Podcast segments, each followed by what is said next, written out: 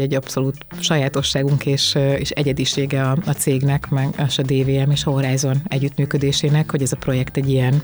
párbeszéden keresztül tudott létrejönni. Az üzemeltetők valóban már a projektnek a korai stádiumában koncepciótervnél, építési engedélyezési tervnél el tudták mondani a saját szempontjaikat, amiket a, amiket a tervezők integrálni tudtak aztán.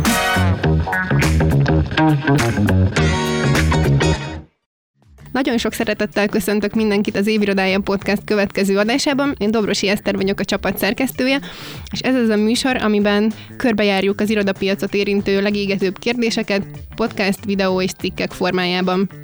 A mai adásban Kisida, a DVM Group tervezési részlegvezetője a vendégem. Köszöntelek a stúdióban. Sziasztok!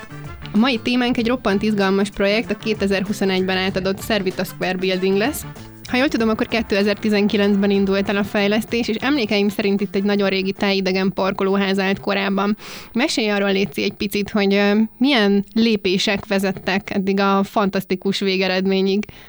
Ez egy egészen hosszú tervezés és fejlesztési folyamat volt, és egy picit korábbról kezdeném egyébként, mert lehet, hogy 2019 a, ennek a projektnek a hivatalos kezdési dátuma, de uh,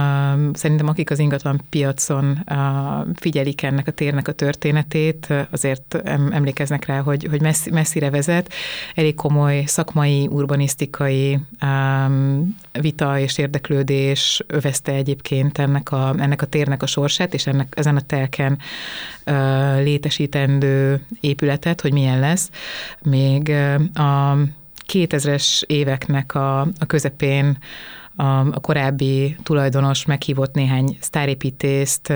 akik között megversenyeztette a projektet, egy Zahadidnak is volt ide egy koncepció, egy egészen ilyen buborékszerű, amorf formájú projekt, amit elég komoly kritika vezet, és aztán a későbbiekben, amikor a, a Kovács Attiláék megvásárolták a telket, kezdtek el újra komolyabban, a módszeresebben foglalkozni a térnek a struktúrájával, fejlesztésével. Ugye a, a, egy fejlesztésnek a történetéhez nagyon, meg az alapjaihoz nagyon fontos az, hogy milyen, milyen szabályozási környezetben jön mindez létre. Tehát volt egy, van egy szabályozási terve a kerületnek, amelyhez alkalmazkodnunk kellett, ami, amit mindenképpen tiszteletben kell tartani, és ez azért nagyban meghatározta azt, hogy milyen milyen keretek közé lehet házat tervezni. A 70-es években ugye jellemző volt a, a, a, az, hogy kicsit a erősebb, tömszerű épületek jöttek létre, a, és akkor ebből a korból származott az a parkolóház és irodaház együttes, aminek a helyén ez a mostani épület épült, amire, amire te is emlékszel, ami elég meghatározó volt a, környe, a, a kerületen belül, mint parkolóház szerintem egy nagyon fontos pontja volt egyébként a, a városrésznek, tehát hogy, hogy le lehetett valahová rakni az autót a városközpontban, és aztán onnan uh, gyalogosan megközelíteni a, a Váci utcán vagy a környező utcákban lévő üzleteket, irodákat. Az irodaház az uh, már hosszú évek óta üresen állt, mikor a fejlesztés elkezdődött. Egyébként a, a az építkezés megkezdése előtt egy, egy alapítványnak, a Kortás Építészeti Központ alapítványnak például ott odaadták pár évre használatba ezt a, ezt a házat, hogy töltsék meg élettel, funkcióval, amíg, amíg üresen állt. A parkolóház az igazából az utolsó napig működött élő parkolóházként, és a fejlesztésnek ez is egy fontos eleme volt, hogy a parkolást azt lehetőleg minimum ugyanabban a mértékben visszaadják, ugyan, visszaadjuk ugyanezen a területen. Ami a szabályozás városi környezetet illeti, a városi térstruktúrát, egy nagyon fontos megállapítása volt, vagy egy állítása a, a, ennek a megalkotóinak, hogy létrejöjjön egy, egy élő térsor, a Vörösmarty tér és Kammermeyer tér közé, ez a Szervita tér is egy, egy valódi nyitottabb, tágasabb városi térként tudja működni, és a Városháza utca is kapjon egy közvetlenebb összeköttetést a tér túloldalán lévő terekkel, így szorosabban tud kapcsolódni a Petőfi Sándor utcával is, és a Kristóf térrel. És egy, tényleg ez, ez, ez létre tudott jönni ezzel a házzal, és azt gondolom, hogy ez a legfontosabb városépítészeti, urbanisztikai aspektus, hatása, amit a, amit a belvárosnak az értékéhez hozzáadott. 2000 17-ben uh, volt először tervtanács előtt ez a terv, akkor a koncepciót a Finta stúdióból Fekete Antal és csapata állították össze, és aztán uh, igazából annak a háznak a főbb kontúrjai, a tömegformálása, az nagyjából megmaradt, hogyha esetleg láttok olyan publikációkat, az építészfórumon volt egy-két cikk, ami foglalkozott a térnek a történetével és a háznak a történetével, akkor ott a kollégák összeállítottak nagyon sok képet arról, hogy milyen evolúción ment keresztül az elmúlt négy-öt évben ez a projekt. Hányféle homlokzata volt, mert hányféle ruhát öltött, és tényleg olyan, mint, tehát tényleg olyan, mint egy, egy ruhatervezés, aztán egy idő után, amikor a homlokzatnak a finom hangolása történik, hogy jól illeszkedjen ebbe a szecessziós történeti környezetbe, ez, ez a kezdetektől fogva egy nagyon fontos szempont volt. A fejlesztési tervezési folyamatnak a, a lépéseiben a, ugye Kezdődik az egész a, az első gondolatnak a megfogalmazó, megfogalmazásától, amiben a fő funkció és az üzleti modell tulajdonképpen a fejlesztőnél megszületik. Ez eléggé általános minden, nyilván minden ingatlan fejlesztési projektnél, és aztán létrejön egy koncepcióterv, egy beépítési tanulmány, amelyet a, a szakmai zsűri előtt be kell mutatni, meg kell védeni. Egy UNESCO-s örökségvédelmi környezetben ez egy nagyon szigorúan szabályozott folyamat, ahol az örökségvédelmi hatóságnak egy nagyon komoly véleményezési és jóváhagyó szerepe van, amit maximálisan tiszteletben kell tartani természetesen. És az első koncepciók megalkotását követően aztán átvette a, a Finta stúdiótól a DVM grupnak az építés csapata a projektet, a Geller Laci vezetésével. A tervezési folyamat során aztán ez a csapat szépen növekedett az elmúlt évek során. Eléggé jelentős mennyiségű munkaóránk van benne, éppen az imént napokban, amikor megkaptuk a díjat, összesítettük 46 ezer munkaóra, mérnökóra van a projektben, csak az építészek oldaláról, és ugye ahogyan alakul a koncepció, kapcsolódnak be a további szakemberek, szakági, tervezők, közreműködők, a környezetnek, tehát kellett csinálnunk egy régészeti hatástanulmányt, egy környezetvédelmi hatástanulmányt, volt egy, tehát hogy ez a koncepciótervezési folyamat mellett párhuzamosan zajló egyéb szakmai részek, ugye ahhoz, hogy az alapozás mínusz öt szint még garázs meg tudjon történni, ez egy nagyon komoly előkészítő munkát igényelt, úgyhogy közben éppen maradjon természetesen a tér és a szomszédos épületek, a szomszédos ö, lakók ne sérüljenek. Ez mindvégig egy szintén nagyon fontos szempont, hogy a fizikai állag megóvás is. Úgyhogy a, a koncepció egy, egy koncepció alakítás, az egy folyamatos, iterációs folyamat, igazából minden projektnél a, természetesen egyrészt a fejlesztői szempontokhoz való igazítás, másrészt az építészeti, városépítészeti környezethez való alakítás miatt, és itt, itt ugye nagyon sokféle szereplőnek kellett megfelelni. Elég sok kritika érte a projektet ebben a fázisban, ami miatt ez tulajdonképpen egy folyamatos diplomáciai tárgyalásos a jelenlétet is, és folyamatot is igényel, és mindeközben a tervezők fáradhatatlanul kell, hogy jöjjenek elő az újabb és újabb ötletekkel, javaslatokkal arra vonatkozóan, hogy, hogy hogyan lehet maradéktalanul megfelelni minden, minden szereplő elvárásának. És aztán, hogyha a koncepciót jóvá hagyja az összes hatósági szereplő, annak minden tényezőjével, akkor, akkor indul el egy építési engedélyezési folyamat, és aztán egy, egy kivitelezi, kiviteli tervezési folyamat. Ezért itt több év munkájáról beszélgetünk. Emberileg mennyire nőttetek, mennyire nőttetek hozzá a, a projekthez, mennyire vált a részletek ki? Hmm. Um, nagyon, nagyon fontos és nagyon meghatározó uh, projektje ez a DVM-nek mindenféle szempontból, és uh, azt gondolom, hogy, hogy nagyban hozzájárult ahhoz, hogy uh, hogy ahol most, most tartunk, az, azt a tudást fel tudjuk építeni. A Szervita téri irodaház volt a a Váci úti Promenade Gardens iroda, irodaházunk utáni következő projekt, ahol ahol egy eléggé széles körű spektrumot le tudtunk fedni már saját házon belüli tervező és mérnök csapattal. A kivitelezés teljes körű lebonyolításán túl. Um, ahogyan említettem már az imént is, hogy egy, egy, egy hatalmas a kiviteli tervezési folyamat alatt tíz tervezőnk dolgozott rajta, és aztán a szakági tervezőink, épületgépészek, épületvillamossági tervezők, statikusok, stb. Tehát nagyon-nagyon sok tervező volt, aki a projekt során résztvevője ennek a folyamatnak. A projektmenedzsereink is támogatták mindvégig a fenntarthatósági tanácsadóink, és aztán a kivitelező csapattól is egészen különleges megoldásokat igényelt természetesen a projekt, mert egy egészen kivételes környezetben van. Tehát azon túl, hogy, hogy mesélek néhány, néhány ilyen gyakorlati megoldást, ami, ami miatt izgalmas volt nálunk ez a projekt, így a, a, beszélgettem a Geller Laci kollégámmal, aki vezető tervezője volt ennek a, ennek a projektnek, és ugye végig kísérte tulajdonképpen a teljes lépését a, a ház első koncepciójának megalkotójával, Fekete Antallal is folyamatosan tartotta tulajdonképpen a kapcsolatot, tehát hogy volt egy nagyon, nagyon szép szakmai munka, amit, amit ő és a csapata ebbe belerakott. A,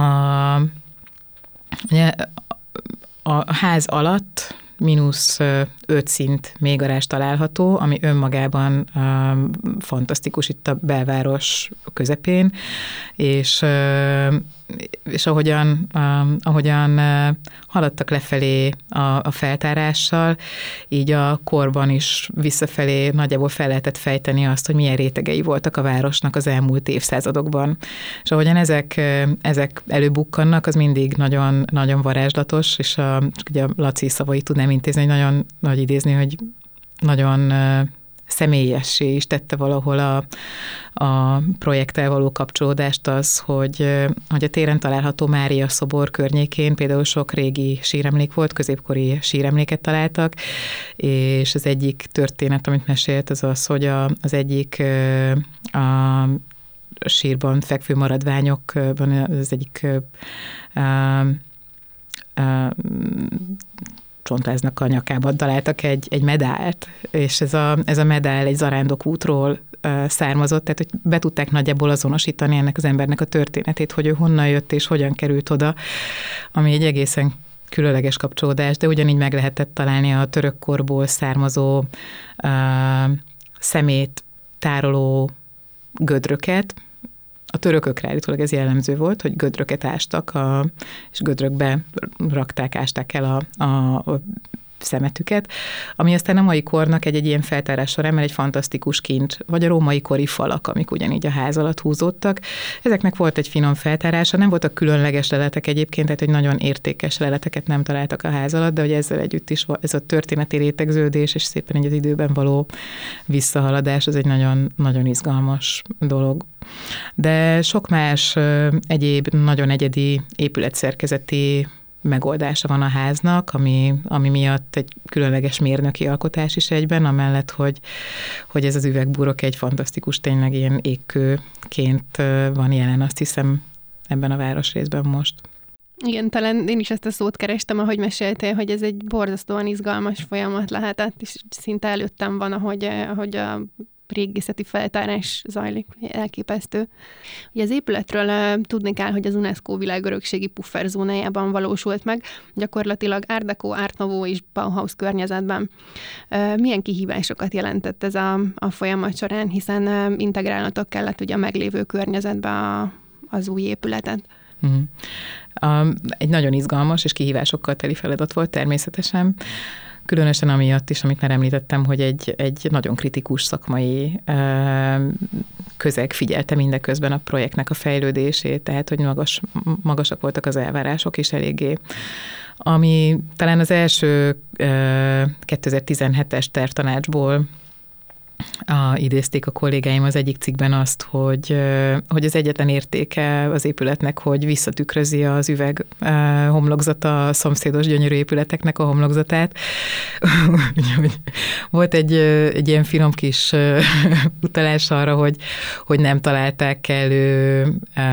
kellőképpen részletgazdagnak, de az Attilának, a Kovács Attilának abszolút volt egy ilyen elhivatottsága abban, hogy értéket szeretett volna teremteni, és presztízsben a belvárosnak abszolút megfelelő, modernkori szecessziót képviselő házat hozzon létre a tervezőkkel közösen, és ennek a gondolatisága, ennek az elvei, ezek maximálisan benn vannak a, azokban a finomságokban, amik a, amik a házon megfigyelhetőek, a homlokzati, homlokzat burkolati részletek, vagy a függönyfal részletek. A külső szemlélő számára nem, nem ismert az, hogy mi kell ahhoz, hogy tényleg ilyen filigrán homlokzati osztása tudjon lenni egy, egy háznak, de ez egy eléggé izzadságos munka egyébként, hogy a tűzvédelmi szabályoknak meg tudjon felelni azzal együtt, hogy a homlokzati tűzterjedési gát is meglegyen, és egyben uh,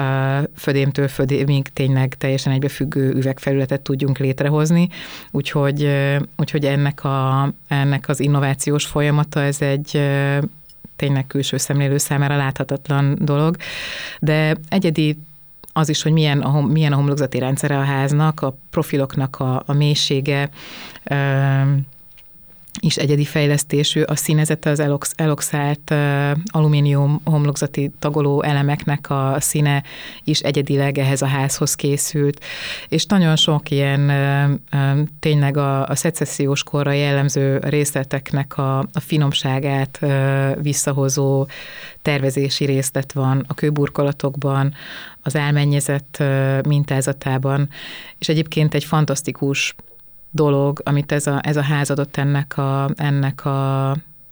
városrésznek, az az, ahogyan létrejönnek a térkapcsolatok az utcák között. Ugye ez egyik, amiről már beszéltem, az a Szervita tér maga,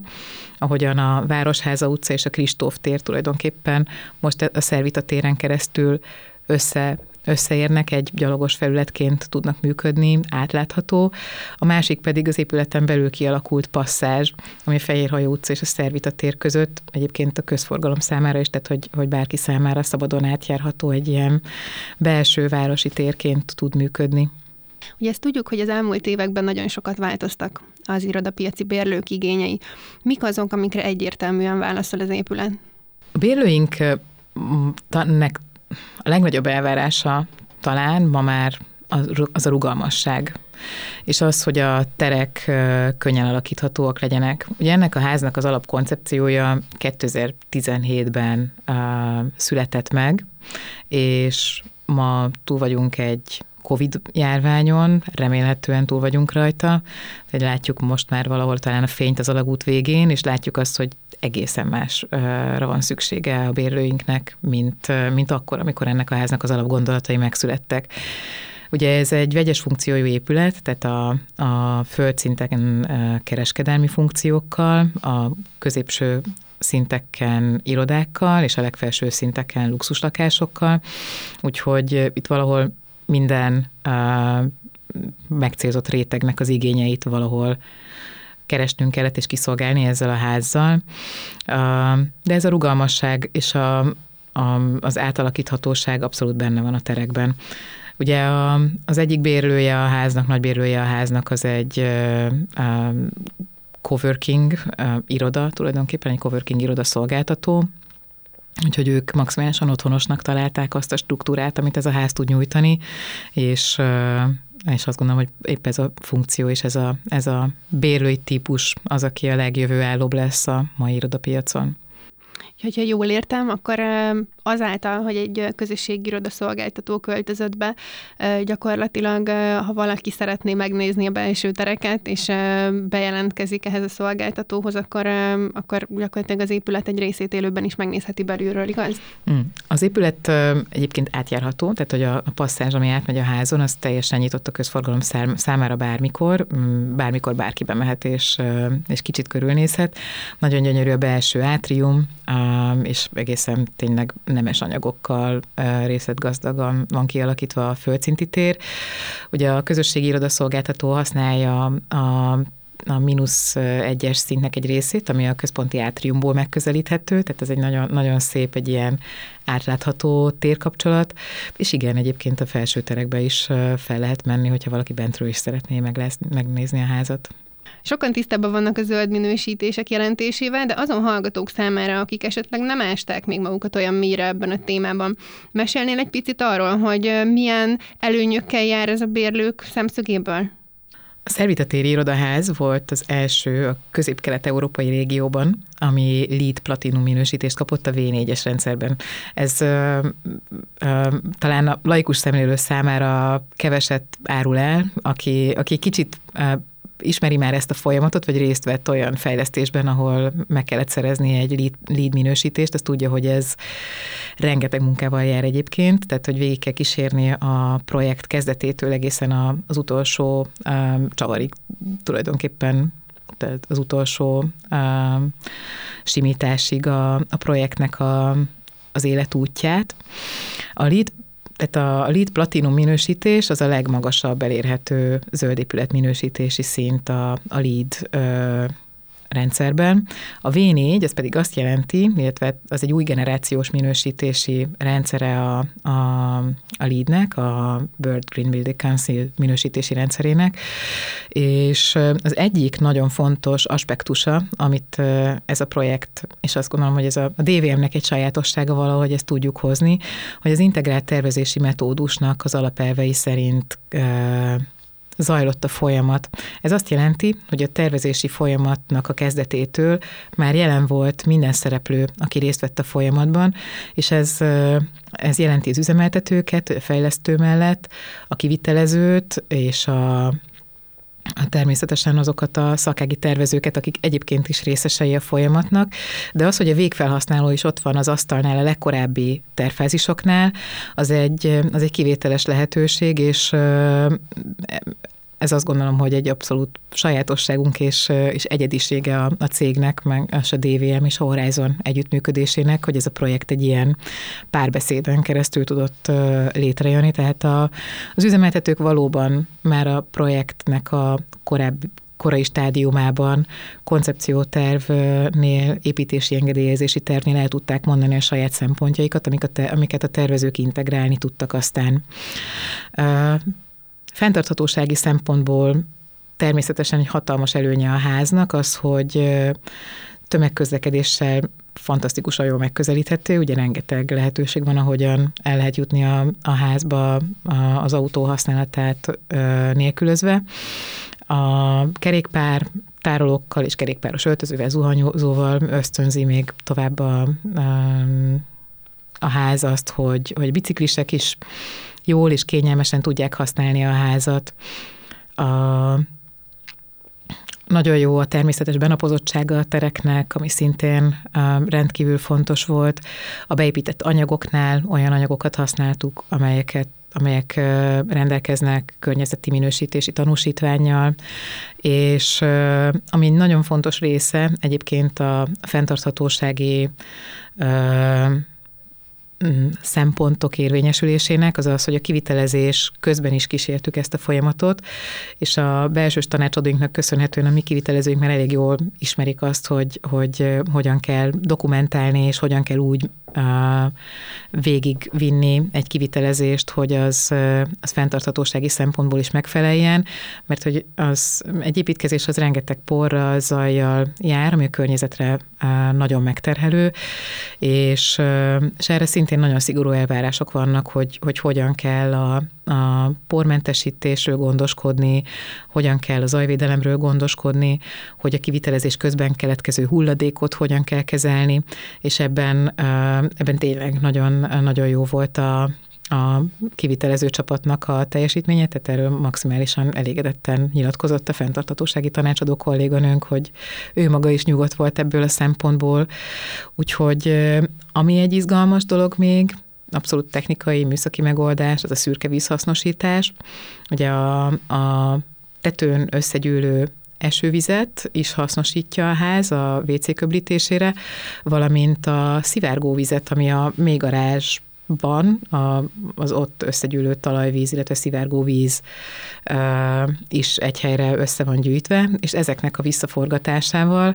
az ivóvíz használatot tulajdonképpen uh, 30%-kal csökkenteni tudtuk, úgyhogy ez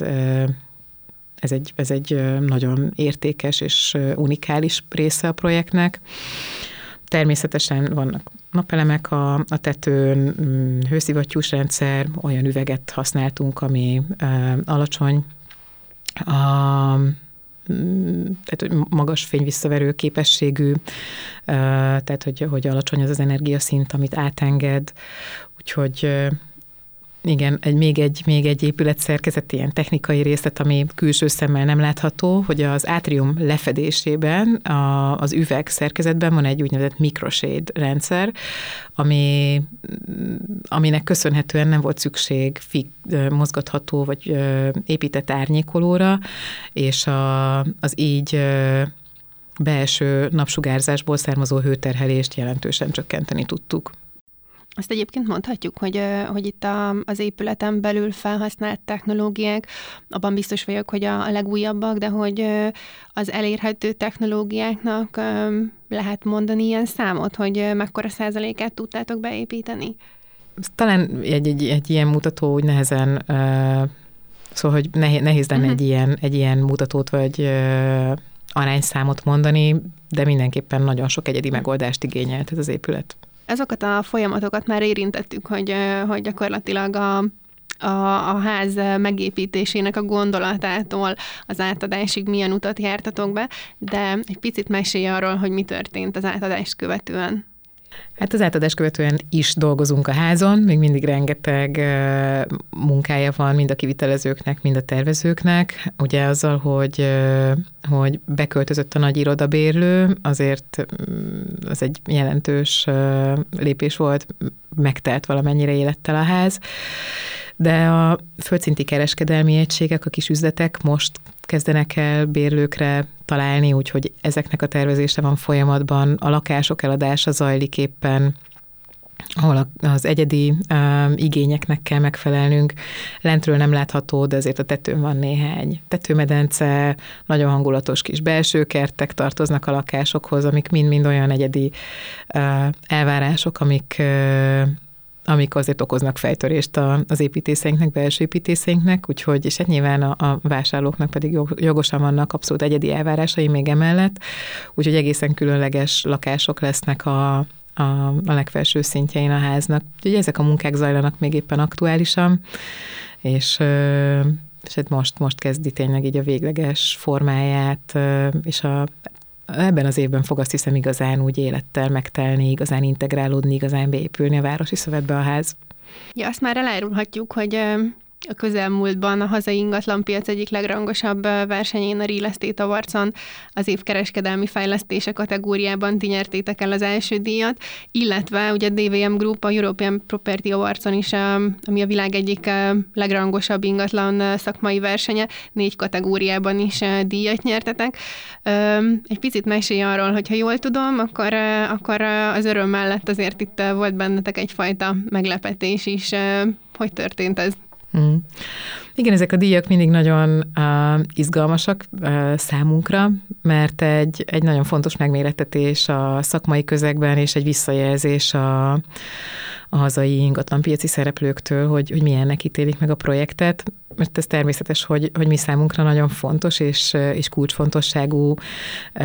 egy unikális helyszínen van, tehát mindenképpen egy, egy presztízs értéket képvisel ez a ház, de nagyon-nagyon jó leső, amikor ezt a, ezt a hazai szakmai közeg is, is elismeréssel nyugtázza és értékeli. Úgyhogy nagyon sokat jelentett nekünk a, a Real Estate Award is. A, a European Property Awards-on négy kategóriában indultunk, és a, a DVM-nek szervitatéren túli életéről, és így akkor kicsit be tudok számolni, ami, ami mindig keressük az új kalandokat, szóval eléggé, eléggé klassz dolgok ezek is. A, indultunk még a Szervita is kapott egy elismerést a European Property Awards-on is, indultunk még a BP iroda belsőnkkel, ami, ami szintén a díjazott lett, és a, az utóbbi években alakult ki a DVM-en belül egy, egy önálló látványtervező csapatunk. Néhány éve, amikor az első látványtervező kollégánk csatlakozott hozzánk, akkor alapvetően az volt a cél, hogy, hogy minél rugalmasabban tudjuk a tervezési projektjeinket végigcsinálni, és szuper minőségű látványterveken keresztül tudjuk megmutatni az ügyfeleknek, hogy milyen tereket terveztünk nekik. És ez a mára igazából egy önálló részleggé, egy önálló div- divízióvá nőtte ki magát, és ez hát egyrészt tényleg egy nagyon jó élmény volt így személyesen is végigkísérni így a fejlődését a csapatnak, hogy hogyan, hogyan erősödik meg, és hogyan válik önállóvá. És aztán az, hogy most a, a European Property Awards-on is elismeréssel díjazta egy nemzetközi közeg, az egy fantasztikus dolog, mind a belső építészeti, mind az építészeti vizualizáció kategóriában. És a mai napnak az igazán friss és fantasztikus híre az az, hogy az International Property Awards-on, tehát egy nemzetközi megmérettetésben is az év építészeti vizualizációs csapata a díjat a, a mi látványtervező részlegünk kapta. Azért elképesztő, hogy, hogy milyen ütemben fejlődtök, és hogy, hogy miket csináltok, úgyhogy hagyd legyek az első, aki gratulál. Köszönjük. És azt kívánom, hogy a jövőben is hasonló izgalmakkal teli projekteken tudjatok dolgozni. Köszönöm. A hallgatókat pedig arra buzdítom, hogy iratkozzatok fel az Évirodája podcast csatornájára, illetve kövessetek minket a social média felületeinken, hogy véletlenül sem maradjatok le a legújabb tartalmakról. Köszönöm, hogy velünk voltatok, sziasztok! Thank you.